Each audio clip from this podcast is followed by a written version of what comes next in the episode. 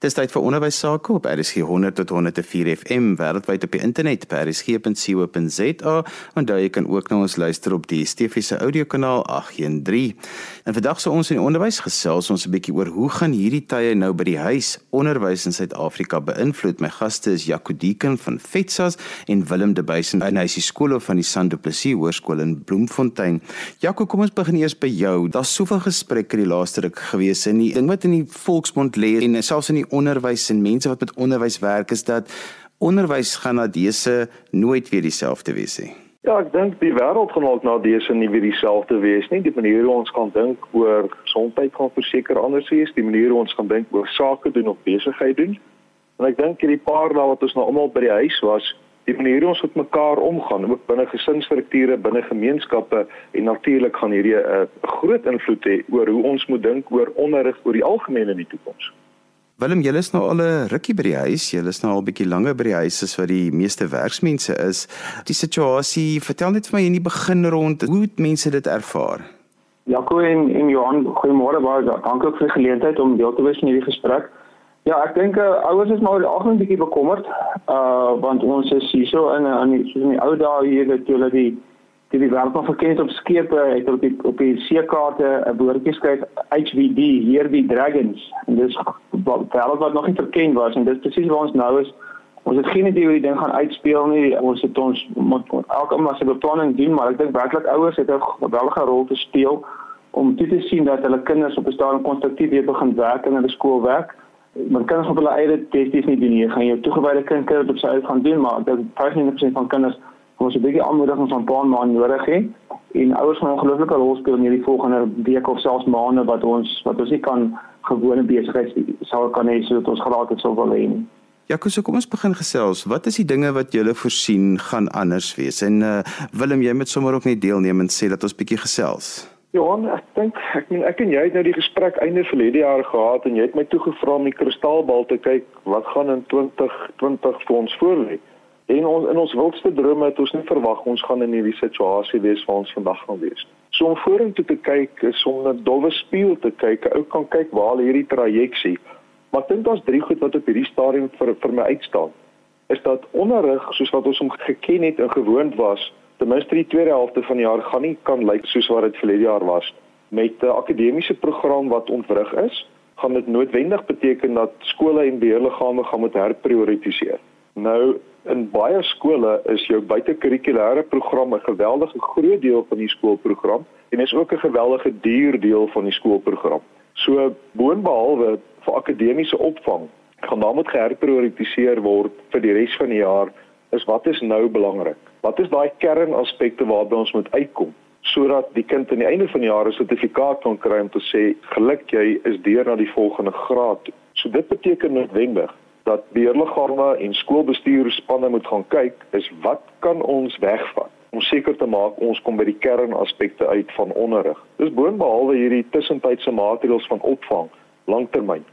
Nommer 2 gaan hierdie tydperk wat besig is nie, nie bedryf nie en die ekonomie eintlik in 'n totale afwaartse kurwe bly daal 'n impak hê op die finansies en die finansiële vermoëns van ouers en dit gaan impakteer op skole so beheerliggame en veral jou skoolhoof gaan bitter mooi moet gaan kyk na die skoolbegroting. Die laaste plek waar 'n skool behoort te sny is op sy personeel. En daar is 'n klomp skole in hierdie land wat 'n geweldige klomp addisionele opvoeders en nie opvoeders aanstel. Nou ons kan alles wegvat by 'n skool, maar as daar 'n goeie onderwyser agterbly, gaan onderrig plaasvind. So in daai prioritisering moet ons gaan kyk, wat is die goed wat ek kan sny? Wat gaan maak dat ek by my kernbesigheid gaan uitkom? En ek weet sport en kultuur en al daai goed is verskriklik belangrik binne ons skoolgemeenskappe. Maar 'n beheerliggaam in skool gaan dan moet gaan sit om te sê watter van hierdie aspekte gaan ons moet sny om ons kernbesigheid te kan uitkom, om by die salarisse van ons personeel te kan uitkom. En dan nommer 3, dink ek is dit nou 'n baie goeie tyd wat skole lanktermyn gaan kyk na hoe lyk onderrigmodelle vir die toekoms. Nou as hoërskool se onderrigmodel gaan wesentlik anders lyk as 'n laerskool se onderrigmodel En ek dink Willem het reeds beklemtoon dat jou goeie leerders en jou sterk leerders gaan in elk geval op hulle eie kan aangaan, maar dis 'n handjievol van die groter gros. So, hoe gaan ek die ouers in die gemeenskap aktief betrek in onderrig? Tot watter mate het my skool en ouer gemeenskap die vermoëns om in te skakel by tegnologie? En ek dink dis een van die fantastiese hulpbronne tot ons beskikking is tegnologie, maar almal het nie noodwendig toegang nie. En dan 'n totale ander prentjie wat jy het in 'n laerskool, veral in jou grondslagfase, waar nuwe onderrig eintlik baie moeilik gaan wees as daar nie 'n spesialis by betrokke is nie. So daar gaan pappa en mamma met herhaling en vaslegging werk en en basies hersiening gedeelte hanteer terwyl die opvoeder op 'n ander manier dan by nuwe leer gaan uitkom. Maar dat dat ons die internet dalk tot sy volle potensiaal gaan begin gebruik, dit is gegee.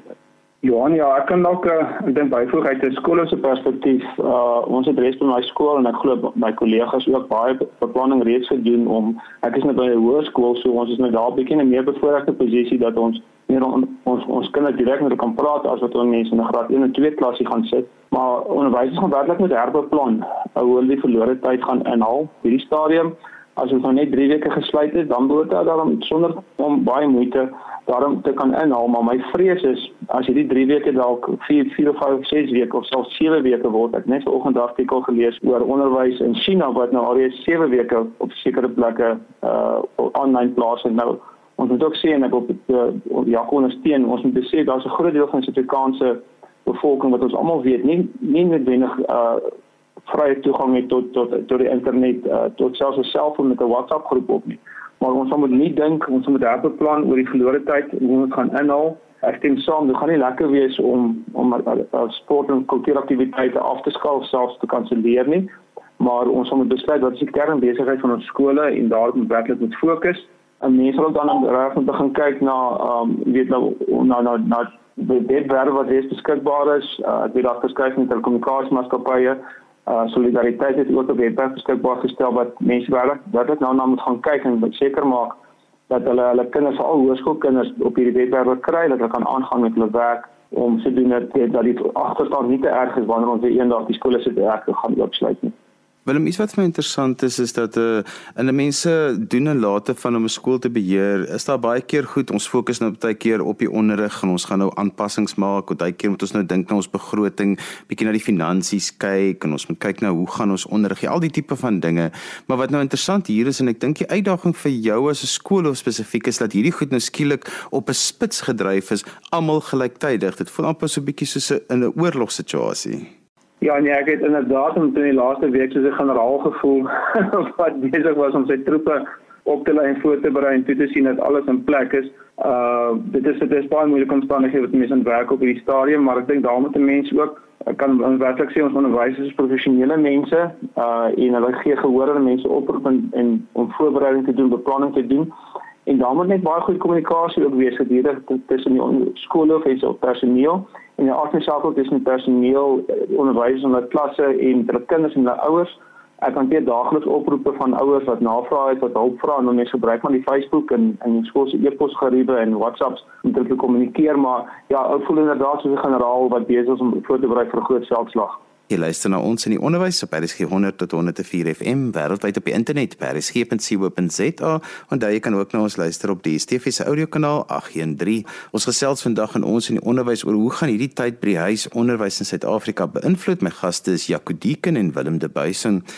Jaco, maar een van die dinge wat vir my interessant is is dat in Suid-Afrika se ouers baie besorg oor onderwys, maar hulle het nog altyd self gevoel dit is die verantwoordelikheid van die skool om te sorg dat my kind moet leer. My werk is om te ondersteun by die huis en my werk is om dan om probleme op te los as daar konflik is by die skool om te sorg dat my kind daar is. Maar hierdie ding draai 'n bietjie onderwys op sy kop. Miskien begin ouers ook 'n bietjie dink, hoe leer my kind by die skool? Wat gebeur by die skool want ek is nou skielik by die huis verantwoordelik om ook 'n bietjie te kyk dat dinge regloop. Dis eintlik 'n wonderlike ding wat met onderwys kon gebeur het dat ouers dalk weer besef hoe belangrik is hierdie rol van ons professionele mense wat by die skool met ons leerders werk. Hierdie paar dae weke by die huis, dink ek het 'n paar ouers uh, teen die dakke uitgedryf, maar ek het self 'n kroos van 3 en uh, om hulle konstruktief besig te hou het 'n ou so kykie gekry na dag van die lewe van 'n opvoeder wat elke dag 7 ure in hierdie spannetjie se geselskap spandeer en hulle aan die leer hou. Nou die wetskrif 1 wat die voorloper is vir die SA skolewet, het dit baie duidelik gesê dat die primêre verantwoordelikheid vir die onderrig van 'n kind bly die ouers se verantwoordelikheid. So dis presies die teenoorgestelde wat ons baie keer in ons gedagtes het dat ek ondersteun die skool. Dis eintlik andersom. Die skool ondersteun my as ouer om onderrig aan my kind te gee. En dis 'n belangrike kopskuif. So die onderwysers word my hoofvernote in die opvoeding van my kind. So ek kan dit nooit abandoneer nie. Daarom moet ek as ouer betrokke wees by my skool nommer 1 en in 'n tyd soos hierdie waar daar onseker is, moet ek seker maak ek skakel in met die skool se kommunikasiekanale. Het sy dit elektroniese D6 skool communicator, Facebook, WhatsApp groepe, SMS wat die skool ook al gebruik. Is dit my verantwoordelikheid om seker te maak ek kry die inligting nommer 1. Nommer 2 ek gebruik hierdie inligting positief. Met ander woorde, ek pas dit toe, ek reageer as daar oproepe is. En nommer om te besef ons is nou in abnormale omstandighede. Daarom gaan skole dalk vir ons vra om opofferings te maak in terme van inboek op naweke of dalk op kort kennis programme af te stel om prioriteite te gee aan kernbesigheid of eksamens wat dalk op vreemde of ander tye gaan plaasvind. En daarmee moet ons mekaar ondersteun. 'n Ander belangrike ding wat Willem na verwys het, is die skole wat amper hierdie rol van die generaal moet vervul om al die lospunte bymekaar te kry. Die SA skolewet sê die beheerliggaam is verantwoordelik om die skool of en die personele uitvoering van hulle take te ondersteun. Nou daai ondersteuning is nie net morele ondersteuning of nuusbriefies nie, dis ook die beskikbaarstelling van van hulpbronne om die begroting dalk aan te pas of om die buitekurrikulêre program te gaan wysig. Dit is die beheerliggaam se funksie om te bepaal hoe lyk daai program. Maar om nou regtig waar die professionele kundigheid te gebruik wat ons in ons skole en ons personeel het. Hulle is opgeleide professionele opvoedkundiges. En nou vir ons te sê as ouers, wat moet ons nou doen? Hoe lyk hierdie paadjie vorentoe? Want hulle is nou ons groot ons hoofvernoot in die onderrig van ons kinders. Johan, ja, jy weet uh, ek dink ons sit nou hier in 'n ongelooflike unieke situasie dat ouers en hulle kinders vir lang tyd saam met mekaar by die huis gaan wees. Jy weet 'n normale skoolvakansie gaan paar maande maar nog steeds werk toe en moet teen sessie bly alleen by die huis en en hulle gaan maar hulle eie gang. Maar ek dink ouers moet werklik besef uh en ek hoop dit het reeds so gebeur in die afgelope weke dat dat ons nie nou in 'n vakansietydperk is nie. Ons het uh, dan moet 'n bepaalde rotine in elke dag wees. Uh 'n mens moet nie verval in jy slaap tot half 10 in die môre en jy hang rond tot 1 uur en dan dink jy jy gaan 'n bietjie werk doen. Ons sal regtig ons kinders 'n rotine moet kry en 'n rotine moet hou. En ons verwag dit nie as as onderwys by skool dat die ouer ons ons professionele en akademiese rol moet oorneem om beskryf met trek algebra vir 'n kind te verduidelik nie. Ek dink dit is ver gesog om dit te verwag. Maar ek dink ouers het 'n paar rolle wat hulle kan vervul en die heel eerste ene is spesifiek by laerskoolkinders is dat hulle die eenvoudige goeders van lees en skryf, daai vaardigheid met hulle kinders werklik bietjie moet opskerp. Ek dink ons kan nie regtig sê 'n mantra sê van lees, lees, lees, lees. Ons ervaar daagliks op skool dat ons kinders se leesvaardighede ongelooflik verswak het die afgelope dekade of twee en ek dink hier is ideale geleentheid dat ouers hier vir hulle kinders lees, hulle kinders 'n geleentheid gee om te lees. Uh in elke huis is daar ergens 'n paar boeke of tydskrifte. Mense nie binne toegang tot die biblioteek hier nie wat in elk geval hier staan onmoontlik is, maar ouers moet hulle kinders aanmoedig om te lees om hulle self te verryk in hierdie tydperk en dan eenvoudige wiskunde. Ek dink ons almal kan dan was in laerskool wiskunde doen. So daarso kan ouers regtig ook hulle plig vervul deur saam met kind te gaan sit langs die tafel en so 'n bietjie wiskunde somme te doen. En daarmee as as 'n hoërskoolhoof uh, is dit ook vir my belangrik om my my ouers aan te moedig en ouers in Suid-Afrika dat jy is nie net wenige kundige in lewenswetenskappe of of in skynat of in toerisme of in watter vak nie maar ek dink ons kan almal langs ons kind gaan sit en sê jong boetie gee my jou handboek dat ek 'n bietjie kyk wat hier aangaan en as mense jouself so 'n bietjie gaan lees oor oor, oor wat die tema is dan kan jy ten minste 'n sinvolle gesprek daarmee hê. En daar is soveel baie keer gebrek aan kommunikasie tussen ouers en kinders omdat ons mekaar so min sien dat hier eintlik 'n kosbare tyd kan wees waar ouers hulle hulle verhouding met hulle kinders werklik kan verbeter en werklik weer in hulle lewens terugkom. En en ek sien daarsoos by my skool dat daar betrokke ouers is dan is dit gelukkige kinders. En as ouers hulle onttrek dan veroorsaak die kinders ook probleme. En hierdie is absoluut 'n goue geleentheid dat ons moet positief gebruik om seker te maak dat ons ons verhouding met ons kinders versterk en verbeter in deel raak van 'n daaglikse leerproses. Dit gaan net eenvoudig die ongelooflike gevolge op die langtermyn hê en, en onderwys gaan nooit weer dieselfde wees na ons verby hierdie tydperk is nie. Ja, ko, ek wil 'n voorspelling maak om te sê dat hierdie ding gaan uitspeel as een van die dinge wat ons gaan sê in die geskiedenis as ehm um, Die fokus het weggeskuif van skole na die vorm van leergemeenskappe wat oor dorpsgrense, oor skoolgrense en oor landsgrense en wêreldgrense sou gaan en dit mense sal sê dit gaan nog 'n interessante impak wees want skielik is mense nou daarop gedink oor wat kry my kind, wat is die fokus, waar kan hy dit die beste kry? Ja, ja nee, ek dink dit is fantasties. Weet, ons sal kan terugkyk en stories aan ons kleinkinders vertel om te sê ons het geleef toe dit gebeur het. Dat dit een van daai merkers dalk wees wat ou in die toekoms gaan na terugkyk om te sê hierdie was dalk 'n oomblik gewees wat ons rigting kon verander het, maar jy is reg. Kennis is nie meer die papegaai werk.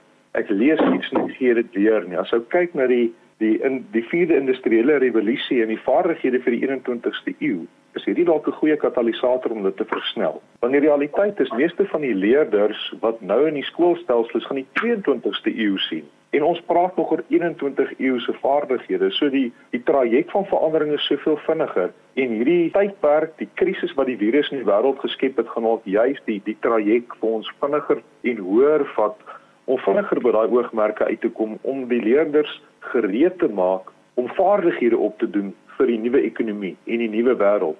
So ons ons mik na iets wat ons self nog nie presies weet hoe dit in die toekoms gaan lyk nie.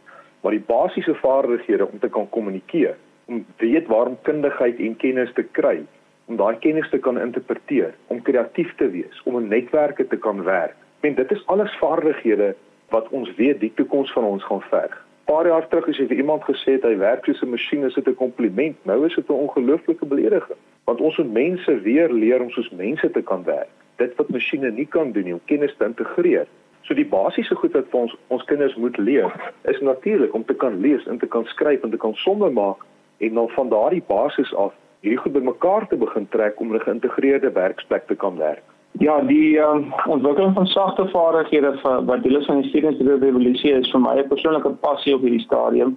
Uh ek kan nie dink dat ons verder net weer kan fokus op papegaai werk soos Jaco gesê het en 10 feite uit jou kop uit ken nie, maar ons moet werklik ons kinders leer om om feite te interpreteer, om om kritiese denkvaardighede te ontwikkel, om probleemoplossingstegnieke te kry en Ek dink miskien is hierdie dalk 'n tyd waar alle mense net wenig elke dag die 100% toegang het tot die internet en tegnologie nie. Dit dalk miskien die eerste uitdaging om te sê maar watter plan kan ek maak in my huis uh om om toegang te hê tot die internet? Dalk het jy nie toegang tot die internet nie, maar jou buurman of die vrou het dalk. En so 'n klein leergemeenskap het 'n vorm deur te sê uh kom ons maak kom ons help mekaar, kom ons ondersteun mekaar en ons maak ons nou nie meer by ons bure gaan kuier nie, maar ek dink daar's ander maniere wat mense 'n plan kan maak om mekaar ondersteunend te help. Um ons sien dit daagliks die tipe werker wat ons soek in ons in ons skole ook as as 'n onderwyser dit is nie net iemand wat die vakkennis kan oordra maar 'n spaanspeler kan wees en kan deel wees van 'n groter groep mense wat uh, wat sinergie kan veroorsaak om om uiteindelik 'n groter verskil te maak. En en hierdie is 'n ongelooflike geleentheid om om ons te dwing om hierdie tipe van vaardighede te ontwikkel en uit te bou want die vyfde industriële revolusie is op pad en soos Jacques sê ons spook nog van 'n paar dinge van die vierde industriële revolusie nie die mense rol in die in die werksplek gaan elke dag net belangriker word, maar dit gaan meer ge, meer op sagte vaardighede as harde vaardighede gefokus wees. Ja, cool. Laaste vraag van my en jou is ehm um, finansies gaan knyp. Ons weet dit almal, ons weet dit kom. Skole gaan baie mooi moet dink soos jy gesê het, hulle gaan her moet herprioritiseer. Maar mense se as dinge verby is en ons is nou weer in die gewone siklus, dan wil mense altyd graag hê dinge moet weer wees soos dit was.